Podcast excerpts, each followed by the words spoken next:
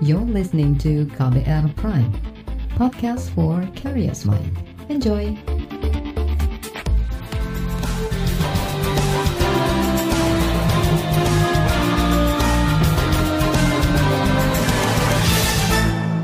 Halo selamat sore saudara, apa kabar Anda sore hari ini? Kembali KBR Sore siap untuk menjadi teman Anda sore hari ini di tanggal 23 Maret 2022. Sore hari ini saya mau ajak Anda untuk membahas kinerja DPR sebagai lembaga yang mengawasi kebijakan-kebijakan pemerintah yang tengah disorot, terutama terkait kasus minyak goreng. Dalam menjalankan tugas pokok dan fungsinya, DPR telah memanggil Kementerian Perdagangan untuk meminta penjelasan terkait polemik minyak goreng yang tak kunjung selesai. Usai dua kali mangkir dari agenda rapat, Menteri Perdagangan akhirnya menghadiri acara tersebut dan menjelaskan soal komoditas tersebut. Antara lain menyebut soal ulah mafia dan spekulan minyak goreng sebagai penyebab kelangkaan dan naiknya harga minyak goreng. Namun, DPR tak puas dengan penjelasan serta sejumlah upaya Kemendak untuk menstabilkan harga. Sebab beberapa kebijakan yang digulirkan dinilai tak efektif. Minyak goreng masih langka dan mahal, masyarakat mengeluh. Karena itu muncul wacana pembentukan panitia khusus atau pansus hak angket untuk mengusut kasus kelangkaan minyak goreng yang diusulkan fraksi PKS. Usulan PKS ini didukung fraksi Partai Demokrat dan PAN, sementara fraksi Nasdem, PKB, dan P3 menolak. Pertanyaannya, apa langkah tepat yang harus diambil DPR untuk bisa mengatasi polemik minyak goreng? Membentuk panja atau pansus hak angket? Bersama saya, Reski Mesanto, kita bahas selengkapnya di KBR Sore. Saudara DPR tengah terbelah soal mekanisme pengusutan kasus kelangkaan dan mahalnya harga minyak goreng. Fraksi PKS, Demokrat, dan PAN setuju membentuk panitia khusus atau pansus hak angket untuk mengusut kasus kelangkaan minyak goreng. Sementara fraksi seperti Nasdem, PKB, dan P3 menolak usulan tersebut. Di sisi lain, saat ini DPR sudah membentuk panitia kerja atau panja pangan dan bahan pokok yang dibentuk Komisi Perdagangan DPR. Meski tak dikhususkan untuk membahas masalah minyak goreng, panja ini dinilai sebagai solusi atas berbagai masalah terkait komoditas pangan dan sembako termasuk minyak goreng. Wakil Ketua DPR Sufmi Dasko Ahmad menilai panja perlukan guna mencari tahu penyebab langka dan mahalnya minyak goreng.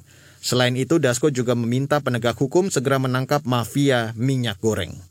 Ya saya pikir kan panja tentang komoditas bahan pokok ini juga penting karena ini kan adalah uh, sebagai bentuk daripada pelaksanaan tugas DPR salah satunya yaitu bidang pengawasan dan ini penting buat kita untuk mengetahui dan panja ini akan mengurai sebab kelangkaan Eh, kemudian solusinya yang dibuat oleh komisi teknis yang terkait dalam hal ini ialah komisi 6. Nah sehingga saya pikir mudah-mudahan hasil dari panja tersebut dan proses panja ini juga bisa kemudian membuat mitra dari DPR yaitu mitra Komisi 6 Kementerian Perdagangan juga untuk kemudian juga cepat bekerja dalam hal ini mengamankan kebijakan dari Presiden agar eh, bahan pokok atau kemudian selain minyak bahan sandang lain juga tidak naik. Nah saya pikir e, rencana untuk mengumumkan mafia yang tidak jadi itu saya pikir serahkan kepada penegak hukum. Saya pikir nggak perlu diumumkan langsung tangkap aja kenapa sih? Ya kalau kita cek ya memang ada mafianya. Jadi tapi nggak perlu digembar-gemborkan diumumkan tangkap aja langsung kalau menurut saya. Politikus Partai Gerindra mengaku usulan pembentukan pansus hak angket untuk penyelidikan masalah minyak goreng yang diusulkan fraksi PKS bakal tetap dibahas di DPR. Ya soal masalah pansus yang diusulkan itu kan nanti kita akan e, bawa ke badan musyawarah dan di situ biasanya akan dibahas. Nah, disetujui tidak disetujui ya tergantung nanti pendapat para fraksi-fraksi di badan musyawarah tersebut. Ya kalau usulan kan memang kalau resmi harus harus dibahas. Kalau usulannya nggak resmi ya kita nggak bahas. Saudara itu tadi Wakil Ketua DPR Sufmi Dasko Ahmad. Sementara Wakil Ketua Komisi Perdagangan DPR dari Partai Nasdem, Martin Manurung menyebut, pembentukan pansus hak angket dirasa belum perlu. Kata dia, permasalahan minyak goreng maupun komoditas lain cukup diselesaikan melalui panja. Usulan itu sebelumnya disampaikan fraksi PKS, anggota Komisi Perdagangan DPR dari fraksi PKS Amin Aka menyatakan, hak angket diperlukan untuk menyelidiki masalah minyak goreng yang berlarut. Hak angket ialah hak DPR untuk mengadakan penyelidikan tentang ketidakberesan di dalam lembaga pemerintah kami dari fraksi PKS mengajukan usul hak angket kan di dua hari yang lalu itu. Secara resmi, fraksi sudah mengajukan usul hak angket yang nanti tentu harus menggandeng dengan fraksi yang lain karena persyaratannya ditanda-tangani minimal 25 anggota dan lebih dari satu fraksi gitu. Nah, nanti setelah itu tentu prosesnya kita mengikuti ketentuan diajukan ke rapat paripurna. Nah kalau disetujui tentu nanti uh, membentuk pansus hak angket untuk menyelidiki berbagai macam lah pelanggaran uh, atau tidak terlaksananya eh, aturan-aturan uh, yang harusnya dilaksanakan oleh pemerintah. Jadi pansus itu nanti bekerja memanggil pihak-pihak terkait entah dari pemerintah atau dari para pelaku usaha. Anggota Komisi Perdagangan DPR yang lain, yakni Nevi Zuairina menyebut Menteri Perdagangan Muhammad Lutfi gagal menyelesaikan masalah minyak goreng.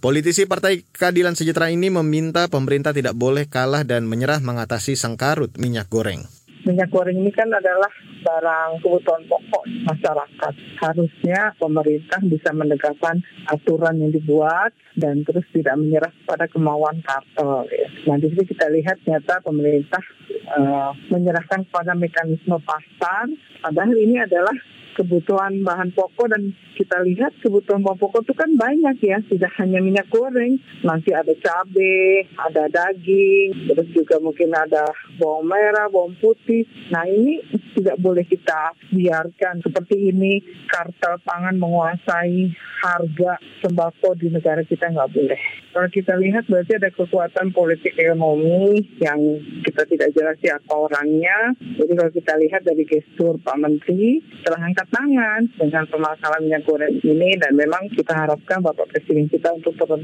ya menyelesaikan polemik minyak goreng ini sejak Karena ini kan presiden buruk ya apalagi menjelang Ramadan dan Lebaran. Kita tidak mau dengan minyak gorengnya naik luar biasa harganya. Nanti yang lain jadi ikut-ikutan. Bawang putih begitu bawang merah begitu beras juga begitu nanti masyarakat makan apa gitu ya Saudara itu tadi anggota Komisi Perdagangan DPR dari fraksi PKS Nevi Zuarina Baiklah kita break sejenak dan setelah break akan saya hadirkan laporan khas KBR yang berjudul Menebak-nebak Mafia Minyak Goreng. Selengkapnya sesaat lagi, tetaplah di KBR Sore.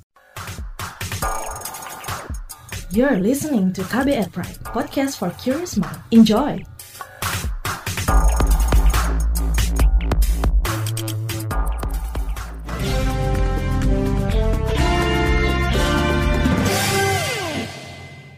Saudara, krisis minyak goreng masih belum selesai. Setelah minyak goreng kemasan langka karena harga eceran ditetapkan murah, kini harganya membumbung dua kali lipat dari harga semula meski stok banyak. Mafia dituding ada di balik permainan harga ini. Apa benar ada mafia? Berikut saya hadirkan laporan khas KBR yang dibacakan Fitri Anggreni. Dalam rapat dengan Komisi Perdagangan DPR pekan lalu, Menteri Perdagangan Muhammad Lutfi mengeluh tidak berdaya menghadapi pelaku penyimpangan distribusi minyak goreng yang mestinya diperuntukkan bagi masyarakat. Peraturan yang ada dianggap masih kurang untuk menghadapi mereka.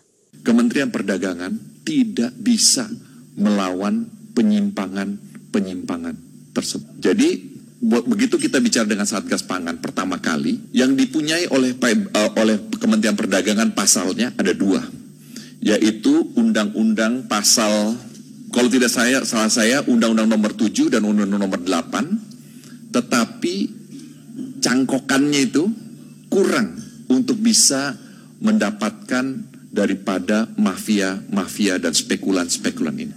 Menteri Perdagangan Muhammad Lutfi mencontohkan ada tiga daerah yakni Jakarta, Jawa Timur, dan Sumatera Utara yang mestinya memiliki stok minyak goreng melimpah. Namun, di daerah itu minyak goreng justru langka akibat ulah mafia dan spekulan. Lutfi mengklaim sudah memiliki data mafia dan spekulan, dan dia sudah berkoordinasi dengan Satgas Pangan di kepolisian. Saat itu dia berjanji akan membuka ke publik nama tersangka pada Senin 21 Maret. Namun hingga hari ini nama-nama itu tak kunjung muncul. Sementara itu, juru bicara Mabes Polri Ahmad Ramadan mengatakan belum mendapat informasi mengenai perkembangan penetapan tersangka mafia minyak goreng. Nah, sampai saat ini kami belum mendapat respon apakah uh, Satgas Pangan ataupun di Exus masih melakukan melakukan penelusuran ya ataupun cross check ya. Pak, Jadi, ini termasuk uh, ini Pak dari pernyataan Kemendak Pak. Ya tentu kita harus menjawab ya karena itu pernyataan seorang pejabat. Namun kami sudah komunikasi, namun uh, belum mendapat respon. Sejumlah pihak ragu mengenai keberadaan mafia minyak goreng. Keraguan misalnya disampaikan Wakil Ketua DPR Rahmat Gobel. Pengusaha sekaligus politisi Partai Nasdem itu menyebut tidak ada mafia minyak goreng. Yang ada kata Gobel adalah kesalahan pembuatan aturan. Dia juga menilai wajar jika pengusaha mencari untung. Peraturan yang salah lengah ini masuk. Jadi jangan kita langsung mencap bahwa ini itu adalah mafia. Kita harus evaluasi bagaimana peraturan-peraturan kita semua ini. Apakah sudah mengarah kepada untuk memberikan apa memenuhi untuk bisa membangun iklim perdagangan yang baik untuk khususnya Sementara itu, anggota Komisi Perdagangan di DPR dari fraksi PKS, Amin Aka, menilai pemerintah tidak tegas memberantas mafia minyak goreng. Pak Menteri itu menyampaikan kan di rapat, ya mafia ini jahat, segala macam itu. Dia perhatikan pemerintah menyerah. Dan itu kan nggak boleh terjadi. Kenapa nggak boleh terjadi? Pemerintah itu punya power, dan powernya itu full. Punya otoritas, punya kekuasaan, punya semua instrumen ya untuk menegakkan konstitusi, untuk melaksanakan konstitusi gitu selain Mendak, Menteri Perdagangan kan juga ada Satgas Pangan, di dalamnya ada Menteri Pertanian, di dalamnya ada juga kepolisian. Dan itu dari atas ya, pusat sampai ke daerah gitu.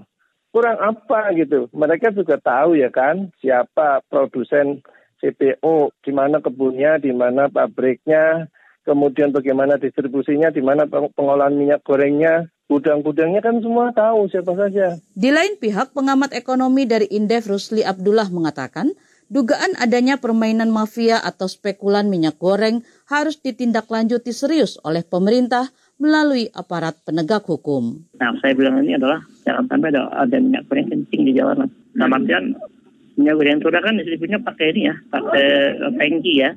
Iya. Tangki, kalau dia kencing di jalan, dimasukin di gudang kemudian dialokasikan untuk satu industri kan nggak bener kan. Rusli Abdullah juga mempertanyakan munculnya minyak goreng kemasan dengan merek dadakan yang sebelumnya tidak pernah ada. Dia mencurigai itu adalah minyak goreng curah bersubsidi yang dilepas ke pasar sebagai kemasan sehingga harganya lebih tinggi. Laporan ini disusun Agus Lukman. Saya Fitri Anggreni. Saudara, berbagai upaya dilakukan pemerintah agar minyak goreng tersedia di pasaran. Namun, upaya-upaya itu belum berhasil. Bagaimana solusi efektif atas masalah ini? Informasi selengkapnya sesaat lagi. Tetaplah di KBR Sore. You're listening to KBR Pride, podcast for curious mind. Enjoy!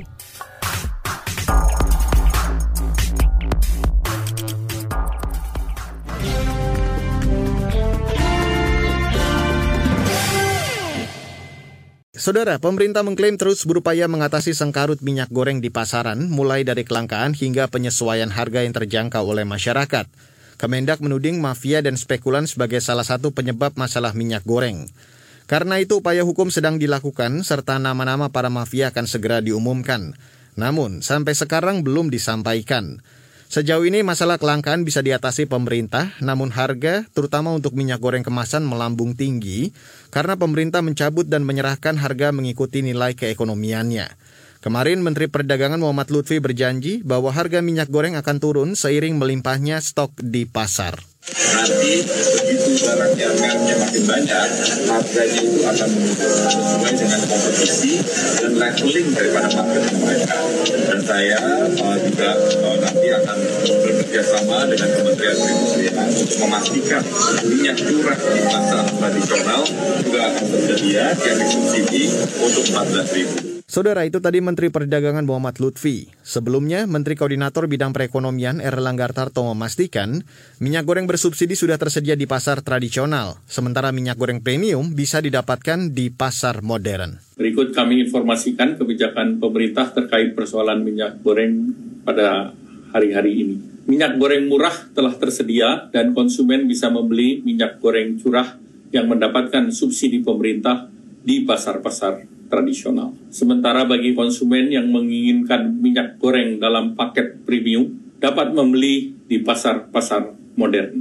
Demikian, semoga dapat bermanfaat dan menjadi pemahaman kita bersama. Upaya lain yang dilakukan pemerintah untuk mengendalikan minyak goreng adalah mengendalikan rantai pasok.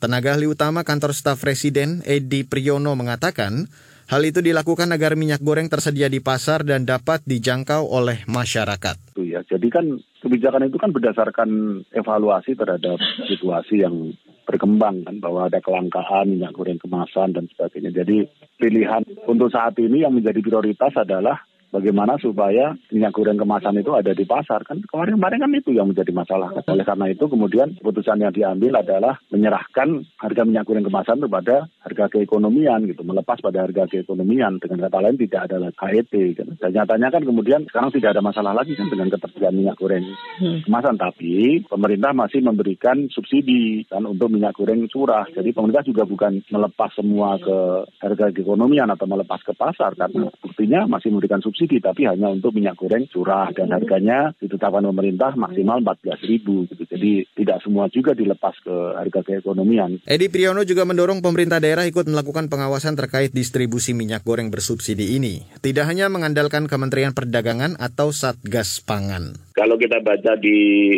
Permendak nomor 11 2022 itu kan itu belum terlalu jelas itu peran pemerintah daerah dalam pengawasan itu. Jadi kita kecuali dalam memberikan sanksi ya kita sebenarnya pengen mendorong uh, Kemendak untuk kerjasama ya dengan dengan Pemda karena jumlah perasaan tradisional itu banyak loh itu di kalau seluruh Indonesia itu mungkin 13 ribuan lebih itu. Saya pernah menghitung rata-rata itu satu kabupaten kota itu mungkin sekitar 30 pasar tradisional gitu ya. Dan itu kan besar sekali. Kalau hanya diawasi oleh Kementerian Perdagangan dengan Satgas itu banyak sekali yang harus diawasi. Jadi lebih baik kerjasama dengan pemerintah daerah karena kan pasar-pasar itu kan dalam katakanlah lingkup pembinaan dinas perdagangan atau dinas pasar di, di daerah. Jadi kita akan dorong itu. Jadi kerjasama dalam pengawasan ini jalan terus. Saudara itu tadi tenaga ahli utama kantor staf presiden Edi Priyono. Selanjutnya, Forum Masyarakat Peduli Parlemen Indonesia atau Formapi menyoroti langkah DPR yang membentuk panitia kerja, bukan malah panitia khusus atau hak angket untuk mengkoreksi kebijakan pemerintah terkait minyak goreng. Selengkapnya sesaat lagi, tetaplah di KBR Sore. You're listening to KBR Pride, podcast for curious mind. Enjoy!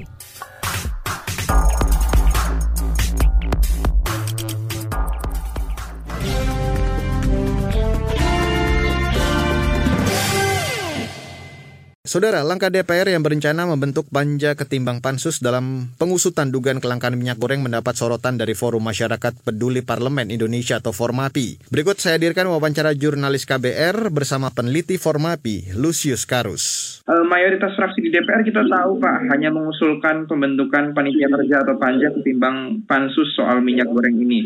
Padahal masalah ini sudah laten sudah lama di masyarakat. Kalau Pak Lucius sendiri melihat dari Formapi bagaimana Pak? Sebenarnya kan instrumen yang ada di DPR untuk melakukan pengawasan terhadap kebijakan pemerintah yang dianggap menyimpang atau yang dianggap tidak sesuai gitu ya dan menyangkut kepentingan publik atau kepentingan rakyat banyak. Selain panja atau pansus itu saya kira sih ada hak-hak eksklusif DPR itu hak angket, hak interpelasi yang bisa digunakan. Dan saya kira terkait minyak goreng ini sudah seharusnya penggunaan hak-hak itu coba diinisiasi oleh DPR karena seperti pengakuan Menteri Perdagangan yang mengatakan bahwa ada apa namanya mafia goreng yang ikut memperkeruh saya kira gitu ya situasi terkait ketersediaan minyak goreng gitu ya. Saya kira pernyataan itu mestinya sudah cukup jadi alasan bagi DPR untuk mendorong penggunaan hak angket ya atau hak interpelasi untuk mempertanyakan seperti apa mafia minyak goreng yang diketahui oleh pemerintah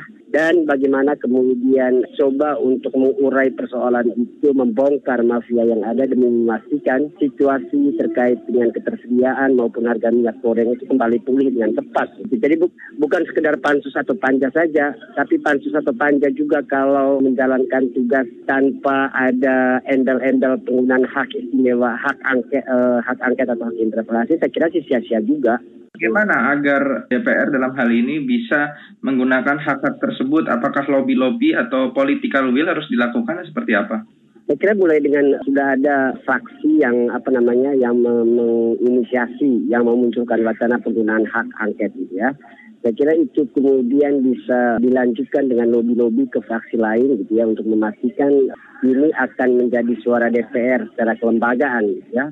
Saya kira sih ada banyak pihak. Kalau penggunaan hak itu dilakukan maka nanti DPR sendiri atau pansus yang kemudian dipercayakan untuk melakukan investigasi bisa uh, menyasar semua pihak terkait gitu ya yang berhubungan dengan stok minyak goreng yang langka dan juga harga minyak goreng yang uh, melambung. Ya, jadi saya kira asal jelas dulu tools apa yang digunakan oleh DPR untuk memastikan ketersediaan minyak goreng itu bisa segera diinvestigasi persoalannya ada di mana gitu ya dorongan formapi kepada DPR untuk bisa segera menemukan titik permasalahan dan juga solusi ini terkait.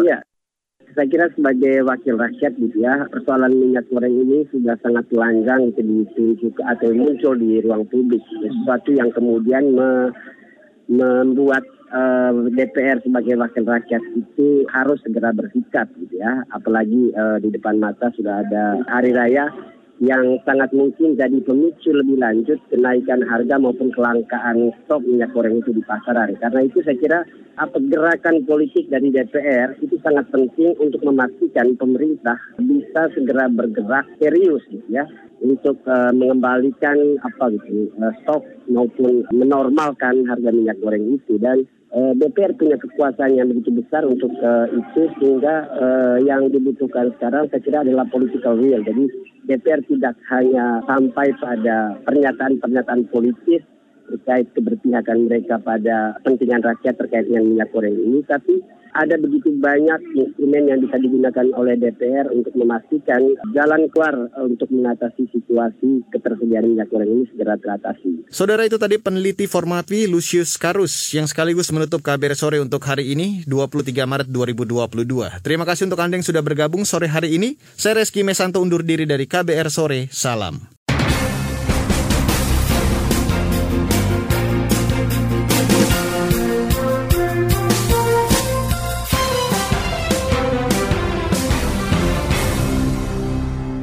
KBR Prime, cara asik mendengar berita. KBR Prime, podcast for curious mind.